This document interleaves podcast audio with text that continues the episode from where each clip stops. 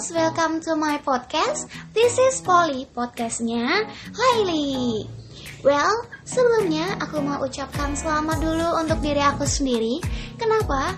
Karena akhirnya setelah sekian lama, setelah sekian purnama, finally aku bikin podcast juga. Hitung-hitung untuk mengisi kekosongan waktu dan produktivitas mengembangkan diri selama kita di rumah aja. Ini adalah benar-benar first time aku banget untuk bikin podcast. Pasti bakal banyak kurangnya sih, but I will do my best.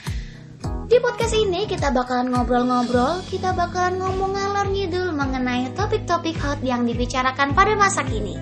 Penasaran? So, untuk para pendengar podcast aku bisa stay tune and hope you enjoy!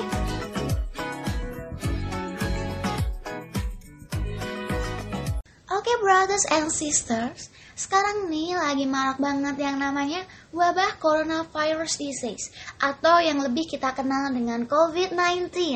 Berkat wabah ini banyak banget yang terkena dampaknya. Salah satunya adalah kita yang diharuskan banget untuk di rumah aja.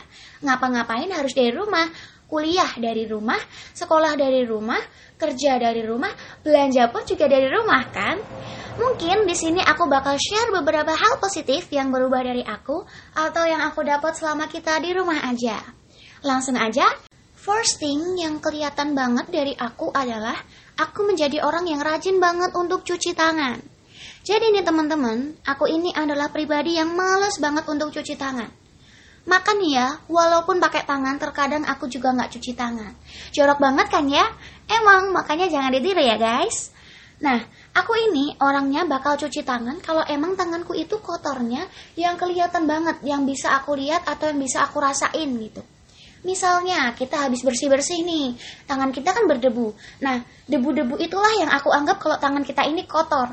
Atau misalnya tangan kita habis pegang tanah atau terkena tinta dan lainnya pokoknya yang bisa aku lihat sendiri atau yang bisa aku rasain.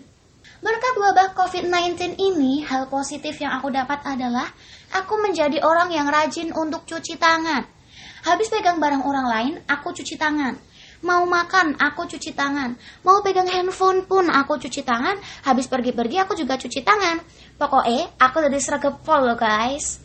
Untuk cuci tangan sendiri, kalau aku nih ya menyarankan, lebih baik kita cuci tangan itu yang benar-benar pakai sabun dan pakai air. Kan banyak ya jenisnya untuk mensterilkan tangan kita. Ada yang pakai hand sanitizer, ada yang pakai disinfektan dan hal-hal lain yang mengandung alkohol. Kenapa? Karena menurut aku kalau alkohol itu terlalu sering kita pakai di tangan, itu akan membuat kulit kita kering bahkan menjadi iritasi. Iya nggak sih? Untuk itu, aku lebih prefer untuk cuci tangan menggunakan sabun dan air. Seperti itu.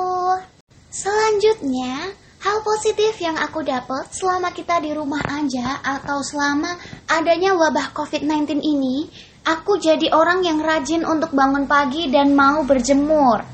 Atau bahasa yang lebih bekennya atau yang kita kenal itu dengan dede. Nah, aku ini adalah rebahan squad banget. Aku ini adalah tim rebahan banget jadi bangun pagi tuh ya habis sholat subuh aku langsung balik tidur lagi. Jadi aku tuh bangunnya itu udah siang udah jam 11 itu aku baru bangun. Jadi jarang banget yang namanya untuk berjemur. Tapi semenjak adanya wabah COVID-19 ini, aku jadi orang yang rajin untuk bangun pagi.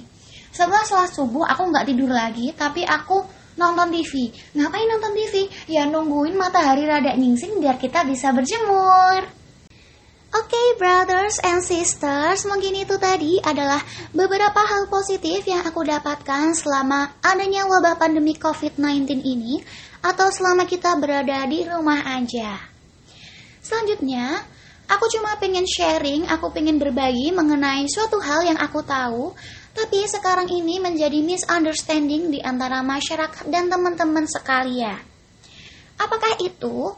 Jadi sekarang ini kalau kita mau pergi atau kita mau keluar-keluar dari rumah, pasti nih kita dianjurkan dan bahkan diharuskan untuk menggunakan masker. Ya nggak sih? Tapi faktanya teman-teman, menurut artikel yang aku baca, berdasar WHO, Kemenkes RI dan Centers for Disease Control and Prevention atau CDC, mereka semuanya sepakat kalau masker hanya digunakan atau direkomendasikan untuk orang yang sakit. Kenapa? Karena masker ini bisa membantu untuk menahan virus yang dikeluarkan oleh si yang sakit ini, sehingga orang-orang yang berada di sekitarnya bisa terlindungi dari virus tersebut. Nah, CDC sendiri juga mengatakan kalau di US itu orang yang sehat malah dilarang untuk menggunakan masker. Ya, alasannya masker itu nggak bisa melindungi dari virus jenis baru. Nah, masker yang dipakai dengan tidak benar justru malah bisa meningkatkan resiko infeksi. Untuk itu guys, sekarang ini permintaan masker di Indonesia lagi tinggi-tingginya bahkan di seluruh dunia. So, untuk kita yang sehat-sehat, bisa nih kita berbagi. Coba kita berikan masker-masker ini untuk teman-teman atau untuk orang-orang yang lebih membutuhkan masker tersebut. Seperti orang yang sakit dan tenaga medis yang berinteraksi secara langsung dengan orang yang terinfeksi. Jangan malah maskernya ditimbun-timbun, terus dijual dengan harga yang mahal dan gak masuk akal.